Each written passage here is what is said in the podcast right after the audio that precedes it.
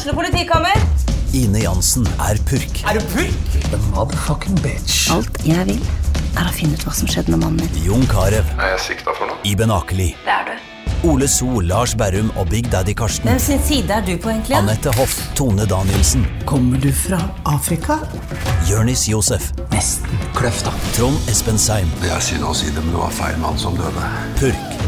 Premiere tirsdag på TV2 Play.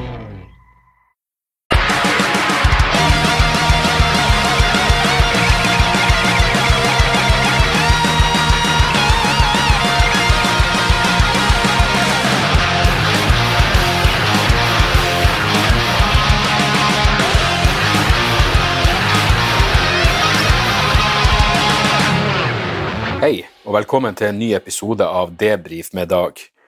Eh, Jeg håper for det første lyden er ok. Jeg spiller inn det her på et hotellrom i eh, Tromsø. Og det er nå eh, torsdags ettermiddag. Jeg har en jobb hvor jeg faen meg jobber hele dagen, som en ekte arbeidsmann. Jeg har vært konferansier på, et, på en greie her, og så skal jeg ha noe standup-greier under banketten på, på kvelden. Så jeg har hørt, jeg har hørt mye foredrag, mye foredrag med gründere og folk som er veldig motivert her i livet. Og jeg ble, jeg ble så letta, for du sitter jo bare igjen og tenker jeg gjør ikke nok med livet mitt. Helvete heller. De her folkene jobber jo konstant. Uh, og noen av de her i publikum, uh, mange av dem blir jo åpenbart inspirert av det. Men uh, heldigvis, nå når jeg var ferdig, så var det en, en ung herremann som kom bort til meg og så sa han, vet du, jeg blir faen meg nihilist av å høre på det her. Helvete hvor motivert de folkene er.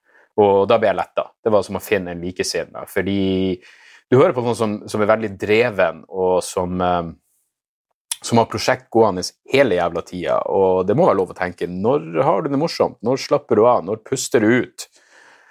Eh, når noen sier eh, Jeff, Jeff Bezos har også bare 24 timer i døgnet. Ah, ok, så det er der sammenligninga, eh, ligger. Men uansett, eh, det har vært hyggelige folk, og jeg har uh, kosa meg. Eh, det var bl.a. en eh, fastlege her som stort sett prata om sprit.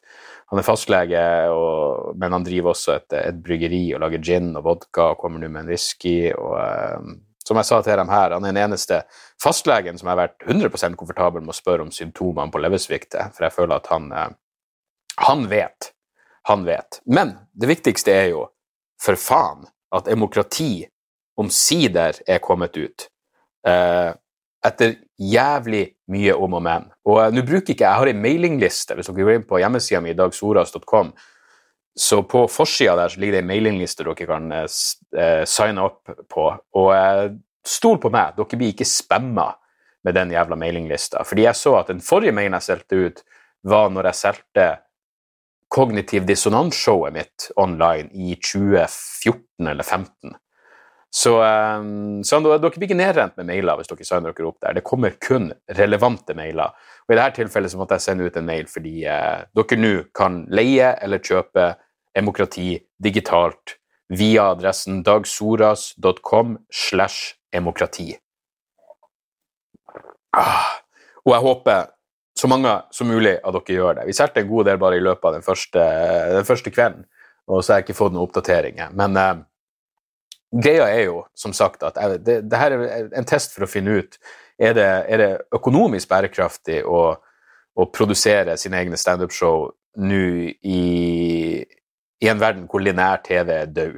Og vi har prøvd alle TV-kanalene. NRK vil ha mer familievennlig underholdning. Jeg husker ikke hva avslaget til TV 2 var forbundet med. Vi har gått frem og tilbake med TV Norge, og så er det fuckings Dplay som gjorde at ting bare ble utsatt en måned ekstra, helt jævla uten grunn. Og til slutt er det sånn, vet du, jeg, jeg gidder ikke det her mer. Uh, det eneste, den eneste uh, hyggelige tilbakemeldinga var jo Netflix, som, som skal, visstnok skal begynne å satse på norsk innhold fra, fra neste år. Så jeg håper selvfølgelig at uh, Det hadde vært kult å bare få det neste showet på Netflix, bare fordi det, ting virker mye lettere. Men samtidig så er det noe kult med å gjøre det på denne metoden som, uh, ja, som Louis C.K. gjorde uh, populær for mange, mange år siden. Um, som er å bare rett og slett produsere det sjøl og selge det sjøl. men som de av dere som har kjøpt showet, vil jo se at det er ordentlig produsert. Det er en ordentlig jævla produksjon, og det koster penger. Eh, så, så mitt mål er jo bare at så mange så jeg mener så mange som mulig av dere kjøper det jævla showet, men at jeg i hvert fall kan gå i null på, på produksjon. Det hadde, vært, uh, det hadde vært helt topp. Men jeg skal ikke mase mer om det. Det jeg syns demokrati er det beste showet jeg har gjort. Produksjonen er, er, er, akkurat sånn som skal være. Det ser jævlig bra ut. Vi filma det på Rockefeller. så, um, så hvis dere liker det jeg gjør, noe jeg går ut ifra siden dere hører på denne jævla podkasten, så, så, håper jeg at dere går inn på dagsoras.com slash demokrati og gjør ei lita investering. Så, så, får dere dere en liten latter og et lite, et lite smil om munnen. Uh, jeg nevnte jo sist gang at uh, jeg kom bare på det for seint. Uh, jeg gjorde jo det showet under, eller etter en gudstjeneste på Oslo Kristne Senter, heter det vel. Nå er det nesten to, to søndager siden til denne piloten som jeg ikke aner om det blir noe av. Det var en interessant opplevelse. For det første, gudstjeneste. Da tenker jeg ja, gudstjeneste. Jeg er vant med gudstjeneste sånn som gudstjeneste er i statskirka, hvor det er traurig faenskap, men det her var jo mye mer sånn eh, amerikansk stil, sånn megachurch eh, jeg mener, Hvis dere har sett eh, Righteous Gemstones på uh, på HBO, så, så, minner det om det. Du har en, du har en karisma. Jeg var, jeg var, for det første jeg var skeptisk til dresskoden. For jeg hadde bare på meg ei, ei vanlig bukse og en, og T-skjorte og en sånn hva heter det, tracksuit-jakke, Adidas treningsjakke. Uh, og tenkte faen, er jeg, er litt underkledd for denne gudstjenesten? Kommer dit, og pastoren som er på scenen, identisk kledd. Eh, og her bruker jeg begrepet pastor hvitt. Jeg mener, det var jo faen meg et show. Det var, eh, det var lite som minner om den gode, gamle statskirka og de gode, gamle gudstjenestene som jeg er vant til. Jeg er egentlig ikke vant til det. Jeg har vært i én altså det eneste, Til tross min kristne bakgrunn, jeg var jo aldri i kirka, men jeg var en gang med en kompis i kirka fordi han måtte møte opp så og så mange ganger i kirka for å bli konfirmert. Og jeg ble med han av en eller annen grunn. Jeg husker at Da var morsan sånn, eh, da var hun skeptisk til at denne fyren fikk meg med på altfor mye rart. Og han fikk meg med på mye rart, men når han fikk meg med i kirka, så begynte morsan å bli oppriktig bekymra. Um, ehm, og med god grunn, skulle jo egentlig vise seg. Men, eh, men ja, nei, så, så nei, Oslo Kristne Senter det var, faen meg, det var noe helt annet. Det var vel sånn, kan man kalle det, karismatisk preken. Eh, veldig lite bibelreferanser. Det var sang, og det var røyk på scenen, det var livemusikk. Det var et helvetes liv, rett og slett. Og så, så, ble jeg invitert opp på scenen på slutten av gudstjenesten for å bli intervjua av pastoren, da, hvor han liksom bare skulle avskrekke. Fordi greia var at når gudstjenesten var ferdig, så skulle jeg ha standup i et annet rom. Um, og det her er jo et svært jævla lokal ute i Lillestrøm. Helvete, for et enormt jævla varehus. Og det, det er buffé etter gudstjenesten, og ja, du ser at det her handler, det her handler mye om, uh, mye om samhold. Men uh, hvis det var kanskje 300-400 stykker på selveste gudstjenesten, så er det kanskje 100 av dem som møtte opp på mitt standup-show som skulle være, være etterpå. Og um, det var jo en, en, rar opplevelse. Det gikk veldig bra. Det gikk faktisk så bra at jeg ble skuffa. Det var litt for lite motstand. Jeg hadde noen øyeblikk hvor det ble litt sånn Jeg fant noe tema der med, selvfølgelig med abort og omskjæring, hvor det ble uh, Ja, hvor det var litt motstand. Men problemet var at de her var altfor gladkristne. Altså, det her var folk som bare var For det første var veldig, veldig mange av dem ekstremt unge. Uh, og, og, de er gladkristne, og når du er gladkristen, så er du den mest irriterende typen kristen. For du er egentlig den type kristen som jeg vil at kristne skal være. De er gladkristne i forstand av at hey, alt er greit, og du kan si hva faen du vil, for vi bryr oss ikke. Vi skal til himmelen, og du skal til helvete. Ha-ha-ha. Bare si hva du vil. Det er ingen motstand i oss. Det er jo sånn, Hvis alle kristne var sånn, så ville vi ikke hatt noen fuckings problem her i verden. Fordi de godtar meg som jeg er, og så må bare jeg godta dem sånn som de er. Og, eh, men det ligger et eller annet under overflata. Jeg, jeg føler liksom det er sånn Å, dere do, do, det, ligger, det, er ting dere har lyst til å si til meg som dere ikke sier. Um, men, eh, men, ja, det gjorde det til en, jævlig merkelig opplevelse. Jeg har aldri vært borti før at jeg går av scenen etter 25 minutter. Trampeklapp!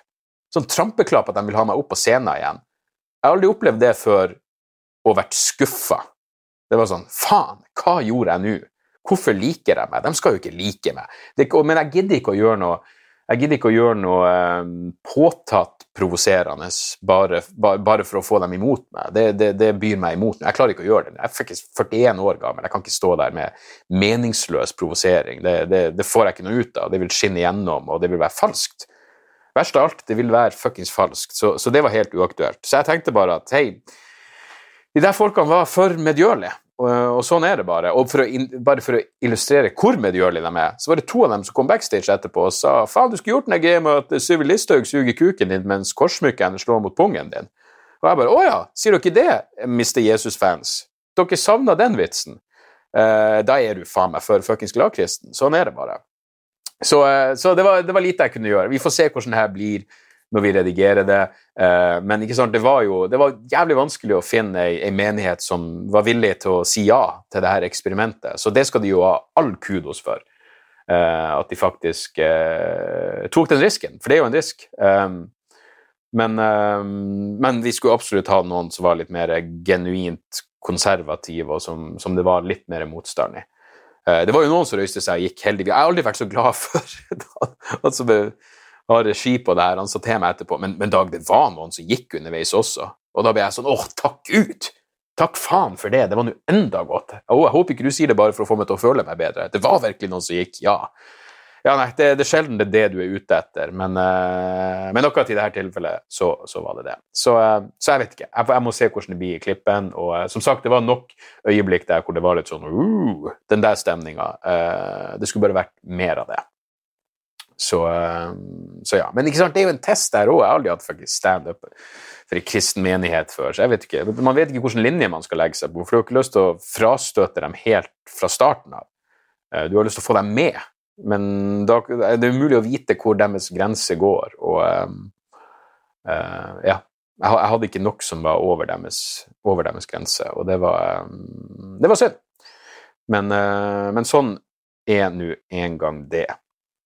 Uh, humor er en merkelig greie. Det var jo Vi har et sånn lukka komikerforum på Facebook hvor noen kommenterte at det er en en norsk journalist som har lyst til å begynne å anmelde standup. Altså gå på små standup-klubber i Oslo. Liksom. Ikke, han skal ikke på Latter, han skal på Josefine og Prøverøret og Kadis rundt omkring for å anmelde humor. Og jeg, jeg tror nok at intensjonene er gode, men så var det noen, en, en komiker som hadde kommentert at jeg tror ikke noen komikere kommer til å bli eh, bli pissredd når det plutselig dukker opp en anmelder på et klubbshow. Og da var han sånn Nei, jeg kunne ikke skjønne at det var noe forskjell på det, når musikere takler det, og, og eh, Hva var det andre eksempelet? Skuespillere, ja. Musikere og, og skuespillere de takler jo anmeldere, så hvorfor skal ikke komikere takle det? Og da svarte jeg det er jo ikke fuckings poenget. Poenget er at når du kommer på en klubbkveld, så er det per definisjon vitser man jobber med. Vil, kom på et soloshow, anmeld i vei, jeg gir totalt faen. Men, men, eh, men, å komme på en klubb hvor man prøver å jobbe frem materiale, det, det gir ingen mening. Eh, så fremst du ikke skal gjøre en sak på, på utkjente komikere og gi dem et push på et eller annet vis, det er jo bare hyggelig, men, men uh, du, du, du, kan ikke sammenligne det her med skuespillere og komikere. Det viser jo at du ikke vet hva du prater om. Så jeg svarte det. Jeg sa det. Hvorfor, hvorfor skal du komme når vi, når vi, holder på å jobbe frem ting og skrive en anmeldelse av det? Uh, det? Du kan ikke sammenligne det med skuespillere og musikere. Da svarte han han skjønte jo den forskjellen. Han skjønner jo at det er en forskjell. Så, så hvorfor likestiller du det? Hvorfor sammenligner du skuespillere og musikere med komikere. Hvis du skjønner at det er en forskjell. Det er forskjell på et fuckings teaterstykke og et klubbshow. Ikke sant? Jeg mener, jeg, jeg tviler på at Kvelertak har et problem med at det kommer en anmelder på konsertene deres, men jeg vil vel faen ikke ha en anmelder på øvingene sine. Hva, denne sangen er jo faen ikke ferdig. Den er jo ikke ordentlig ferdig, den avsluttes jo uten ordentlig schwung. Ja, det er jo faktisk poenget, du er på ei øving. Josefine, Prøverøret, Kadis, klubbene i Oslo er øvelsessteder for komikere. Og da vil man helst være i fred. Du vil ikke at noen skal komme og, og fuckings Og han her er jo Han har nok peiling på humor, det skal han jo ha, til at han ikke kommer til å ta sånne referatanmeldelser. For det skjer ofte når folk ikke har en fjerneste anelse på hva du holder på med. Så skriver de bare opp sin versjon av vitsene du har fortalt, som er en dårlig gjenfortelling minus punchlines. Så um, ja. Så det var eh, det der vi jeg, jeg merker hodet mitt er litt overalt nå, fordi jeg er akkurat ferdig med den eh, konferansierjobben, og så skal jeg standup nå på kvelden. Uh, og så skal jeg videre til Trondheim i morgen og gjøre den Northug-roasten. Og jeg tror det skal bli, det skal bli uh, interessant. Denne gangen har de gjort såpass altså Feel Good Ice Stage har gjort så godt forarbeid at uh, jeg hater jo vanligvis å jeg, jeg, skriver jo aldri manus, og hvis noen vil vite hva jeg skal snakke om på forhånd, så er det avskrekkende for meg. Da har jeg ikke lyst til å gjøre det. Men jeg har vært med på så mange roaster hvor de samme poengene går igjen og igjen og igjen. Så det de har gjort, arrangørene har gjort denne gangen, er å få alle til å sende inn et slags manus som man kan gå igjennom, og så får du beskjed hei, det poenget har Northug, det poenget har hvem enn. Så jeg fikk akkurat svar på det, og jeg må bare stryke én vits. Så det var jo, det var jo kjekt. Men da kommer det forhåpentligvis til å føre til at det ikke blir så jævla mye gjentagelser, så jævla mye melking av det samme poenget. For jeg husker vi hadde, vi hadde en eh, roast hvor, hvor Blipp var roastmaster, og det var altså så jævla mye greier om denne babyen hans at uh, jeg måtte bare stryke hva enn jeg hadde om babyen hans, fordi alle hadde nevnt det. Så, uh, så ja, men, uh, men, jeg gleder meg som faen til det. Det er i morgen klokka, jeg lurer på om det er klokka syv i Dødens dal. Så, så, det skal bli spennende. Knallgjeng som er med, og det blir, nok, det blir nok en liten fest etterpå. Det vil jeg virkelig tro. Jeg var jo i Lillehammer forrige fredag. Det var en litt sånn rar opplevelse det også, egentlig. Det føltes som jeg aldri fikk helt fot. Eh, det var jeg og Lars Petersen som kjørte opp dit, og sist gang vi var der, så var det så jævlig gøy. Det var så sinnssykt opptur. Um, men da var jeg også mye nærmere premiera på showet mitt. Nå er det jo faen meg et år. Nå er det et år igjen til jeg skal ha um, Ja, premiera på neste showet mitt blir i september 2020. Jeg ligger, jeg ligger godt an, jeg har masse materiale, men men um, jeg merka veldig tydelig i Lillehammer hva som funka, og hva som, hva som ikke funka. Uh, men jeg tror både jeg og Lars hadde for høye forhåpninger etter sist gang vi var der. Så, um, så det føltes Jeg kom liksom aldri helt inn i det. Men de siste 20-25 minuttene jeg gjorde, er liksom det materialet som jeg har hatt lengst, som jeg nå begynner å få under huden. Så jeg bare merka for en annen flyt man får da, når det, når, når det er noe som man faktisk har gjennomarbeida litt. Så um, så det var gøy, men uh, ærlig talt en liten nedtur for meg personlig. Uh, og så dagen etterpå latter. For jeg sto der den uka. Der var det en så sinnssykt opptur. Jeg, jeg prøvde helt nye ting som jeg skrev rett før jeg gikk på scenen, og alt funka. Så det, det, her er en rar jobb. Hvem i faen hadde trodd at et soloshow med mitt publikum kom til å være sånn eh, greit nok, mens Latter, av alle plasser, der funker jeg som faen. Uh, så ble jeg også litt satt ut av i Lillehammer, fordi det er to år siden vi var der sist gang. Og det var fullt hus da, og det var fullt hus denne gangen, men det var kanskje bare sånn en femtedel av de folkene som var der nå, som hadde vært der sist gang. Og jeg burde gi faen så lenge det er utsolgt, men det var fortsatt sånn Hvorfor kommer ikke folk tilbake? Det var jo dritgøy sist gang. Hva er det her? Jeg kan, ikke, jeg kan, ikke, starte på nytt. Jeg kan ikke begynne å bygge meg en base med folk som liker det jeg gjør, på nytt igjen for hver gang jeg kommer. Så, ehm, så det var litt eh, Det var litt, eh, litt spesielt. Du, vi bare kjører på fort videre, fordi det her blir en litt, eh, litt kortere episode, og uh, som dere forstår, jeg vil jo først og fremst bare, bare få ut ordet om at, uh, at demokrati omsider er, uke, og jeg, er ute. Og jeg har fått noen herlig sarkastiske meldinger fra dere. Jeg fikk, for ikke lenge, Bare for noen dager siden fikk jeg melding fra en fyr som skrev i forbindelse med at du sa at uh, demokrati kom ut, kommer ut rett over påske, og det nå er over påske, så lurte jeg på hvor det blir av det jævla showet. Det er et godt poeng. Eh, men hadde jeg visst hvordan Kunne jeg sett frem i tid, så hadde jeg selvfølgelig bare fått det ut for, for lenge siden. Lenge siden. Men eh, det er ute, og bedre sent enn aldri. Det kan jeg faen meg stå inne for å, for å si. Um, la oss ta bare et par mailer her. For det første, jeg prata om Greta Thunberg i forrige episode, uh, og der er en kar her, Erlend, han har bare var det enda en mail fra han? Han har altså sendt meg så jævla mye mailer. Uh, han skriver blant annet Prøv gjerne å være morsom på Greta sine vegne, men jeg plukka jo ikke opp noe særlig morsomhet her heller. Uh, uh, vent, da. Nå blir jeg i tvil. Har han vært og sett meg live? Fordi jeg prata ikke om uh, ja, han klager på Jeg vet ikke om han har sett meg live eller sa Nei, det er jo så vitsene jeg gjør om Greta på scenen. Uh, hun er et barn fordi hun er under 18 år, så hvordan kan jeg si at hun er gammel nok til å pule? Vel, hun er over seksuell lavalder. Derfor er hun gammel nok til å pule. Uh, og så driver han og sender meg masse linker til fuckings klimarapporter fra, fra FN. Og som sagt, jeg betviler ikke vitenskapen som hun legger til grunn det er de relativt apokalyptiske konklusjonene hun drar. Og her, er, okay, her er Erlend. Du, du, kan sende meg enda en mail, for du har faen meg sendt meg mange allerede. Står du da inne for de økonomiske implikasjonene av det Greta Thunberg sier, når hun prater om at det skal være slutt på, på økonomisk vekst? Og hun, hun, argumenterer jo egentlig, som jeg nevnte sist, som Naomi Klein, for et helt nytt økonomisk system, og dermed en revolusjon i den vestlige verden. Uh, og den, den revolusjonen krever litt mer arbeid. Jeg vil vite litt mer om hva den revolusjonen innebærer, før jeg er helt om bord. Spesielt når vi har sett Greta Thunberg eh, og familien stille opp med Antifa-skjorte, som du faen meg kan argumentere for er en eh, jævla eh, terrororganisasjon. Um, så, så, det var hele min greie med Greta Thunberg. Uh, utover det, jeg, fuck, jeg støtter henne jo. Jeg, jeg, jeg, er glad hun finnes. Jeg er glad hun gjør det hun gjør. Hun er så absolutt et, eh, et godt korrekt, korrektiv Hva er det jeg prater om? Korrektiv. Men, men, du må jo skjønne, jeg er en fuckings komiker. Det er klart jeg må kødde med henne. Det sier seg sjøl. Um, ja. Willy skriver God kveld, Dag. Takk for en nylig podkast. Hva syns du om one-liner-stilen til Mitch Hedberg? Har du noen tips om noen komikere som gjør noe lignende den greia som han gjorde? En fin helg med Vennligsen Willy. Uh, Mitch Hedberg var jo helt jævla nydelig. Uh, han er jo en av de få som har en han, han, slo vel igjennom med en sånn Jeg tror det var Comedy Central Special, hvor han bomber totalt. Ingen flirer.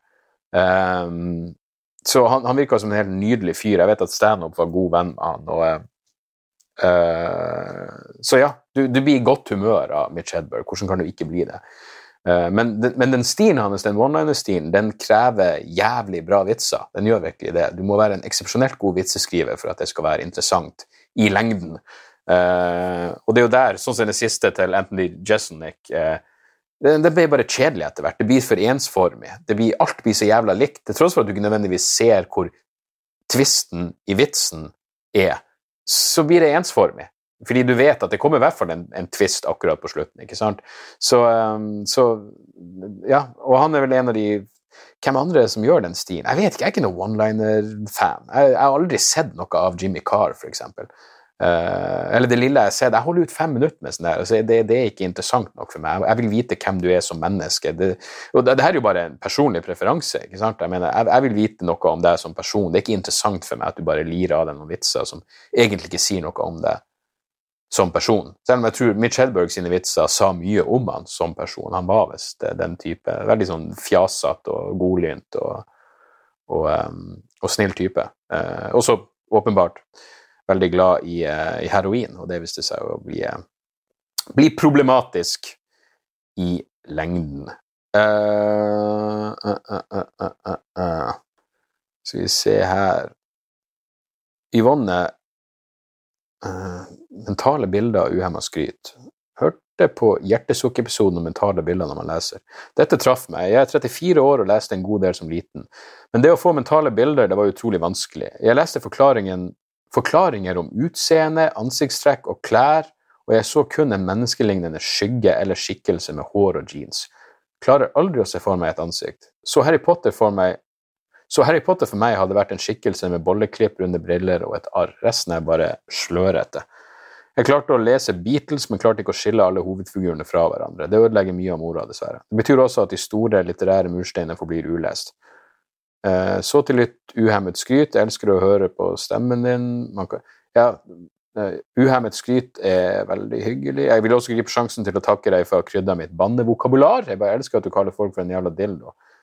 Uh, du har fått meg til å le høyt på upassende steder. Ja, det er jævla dildo-greien. Jeg mener, jeg, jeg mener det bokstavelig av og til. En dildo er en falsk kuk. Så å kalle noen en dildo er å kalle dem en falsk kuk. Du kan si du er bokstavelig talt en dildo, din falske kuk. Uh, og så avslutter jeg med å si aner ikke hva du mener om å kalle tilhengerne dine for fans, men de mangler et bedre ord. Hilsen din fan, Yvonne. Ja, fans er et ord som gjør meg ukomfortabel. La oss heller gå for medsammensvoren eller et eller annet. Men, uh, men jeg setter pris på jeg setter pris på mailen, Yvonne. Og jævlig trist å høre at du ikke får mentale bilder av å lese. Det er veldig, veldig rart. Uh, dama mi har enkelte folk hun er dårlig å skille ansikt, og av en eller annen grunn så klarer hun faen ikke å skille eh, Matt Damon og Leonardo DiCaprio.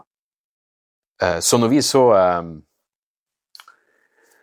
åh, The Departed så Hun var helt vill, i villrede. Hun var så, 'Hvorfor skjøt de han, og hvorfor daua han?' For hun klarer faen ikke å se forskjell på det. Og jeg bare Kom igjen!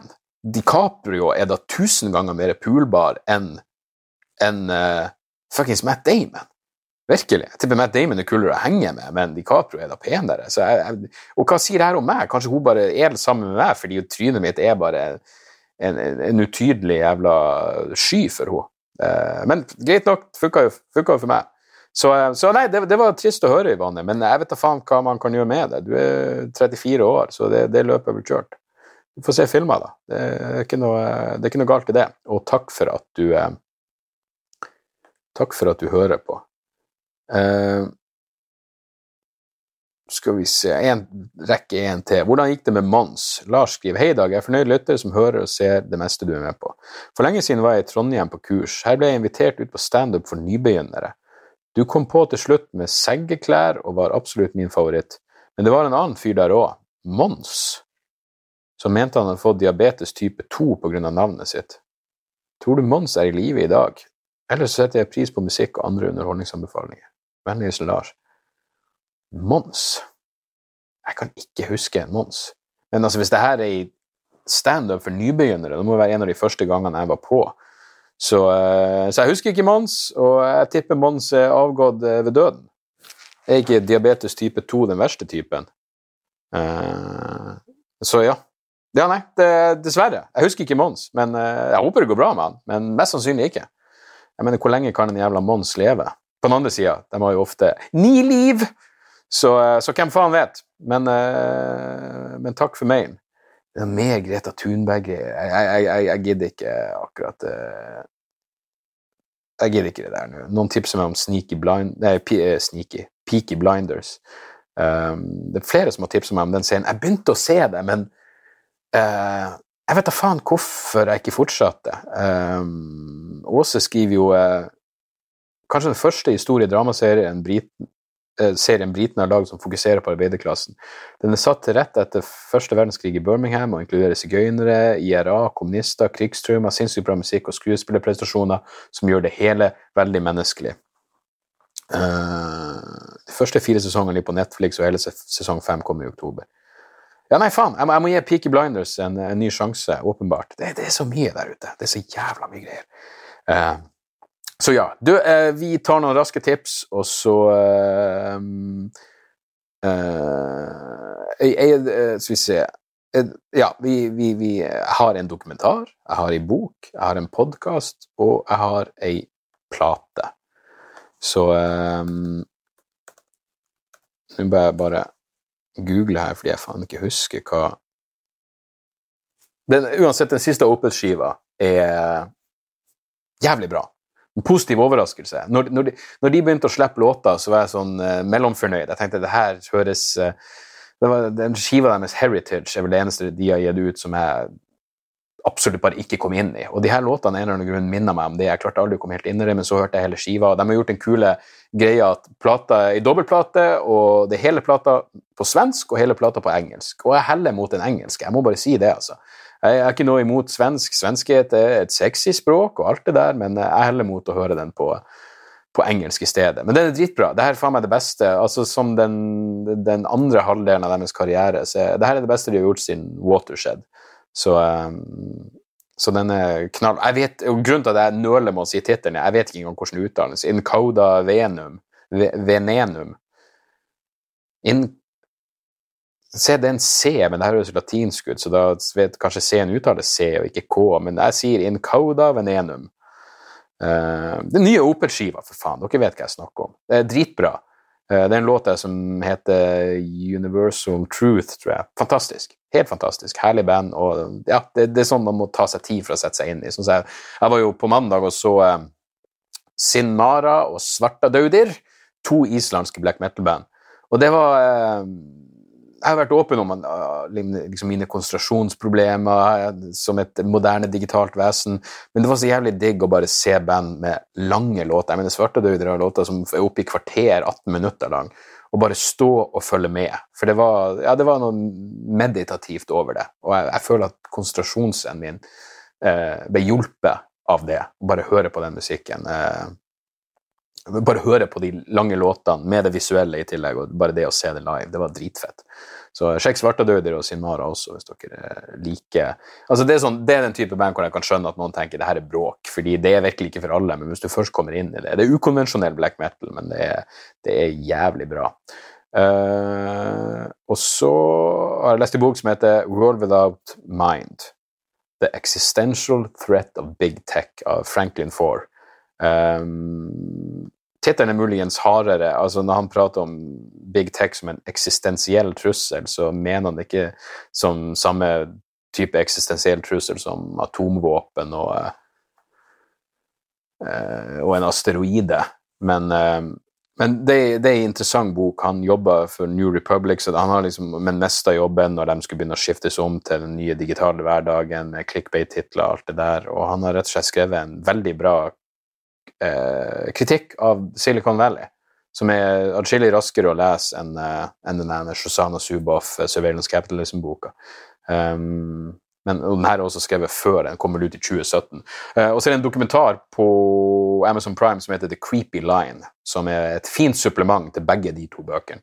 Som også handler om Google og Facebook og, og overvåkningskapitalisme og um, den nye, ja, den nye data som den nye oljen og alt det der.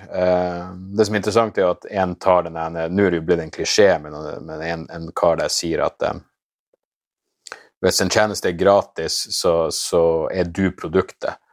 Eh, det Shoshana Zuboff skriver, jo at det stemmer ikke. Du er ikke produktet. Det, det, det sier for mye fint om deg. Du er bare råmateriale. Det er det vi er redusert til. Uh, og så en podkast, uh, The Mysterious Mr. Epstein. Jeg har akkurat begynt å høre på den. Det er en podkast om Jeffrey Epstein.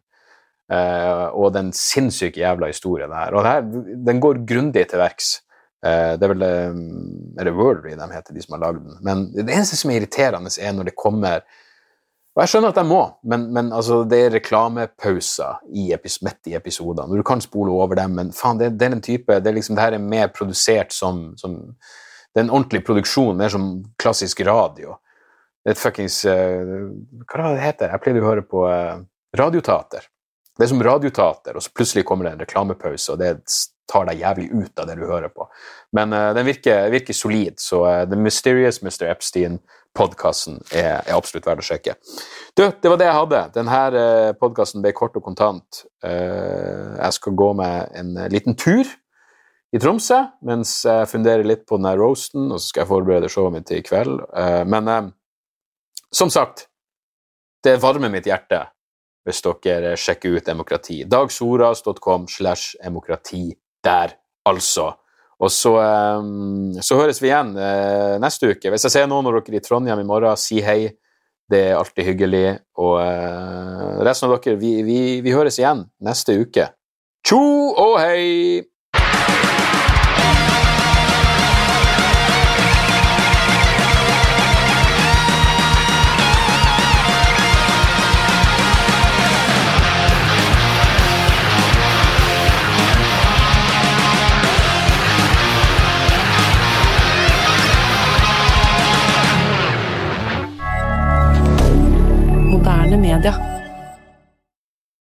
Er det reklametid, og ukens annonsør er fiken.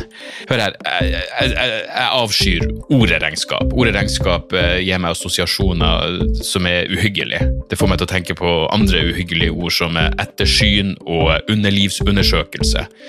Men regnskap er et nødvendig onde, og fiken er et så enkelt regnskapsprogram at selv jeg kan klare å ha kontroll på finansene hvis jeg bruker det. Eh, du kan registrere kjøpene dine bare med å ta et bilde av kvitteringa med appen, og så kan du bare hive, hive kvitteringen. Hvor nydelig kan det bli? Og Fiken forholder seg også til regnskap med overkommelige ord. Det er ikke masse overkomplisert økonomisk terminologi. De kaller det kjøp og salg i stedet for hva enn de kaller det på BI. Og du kan, eh, du kan få fiken til å sende purringen dine, sånn at du slipper å gjøre det sjøl. Slipper du de der flaue øyeblikkene hvor du må skrive 'unnskyld meg, men det står noe utestående her, kan du fikse det fortest mulig', må jeg sende, må sende mafiaen etter deg? Nei, fiken fikser det, så kan du skylde på algoritmene. Du slipper dårlig stemning. Jeg syns det er utrolig greit å slippe å styre med sånne der ting sjøl, og nå kan du prøve fiken gratis i 30 dager. Hva, hva har du å tape? Bokstavelig talt ingen verdens ting. Så gå inn på fiken.no og prøv fiken gratis i 30 dager. Ok? Det var det så vanskelig.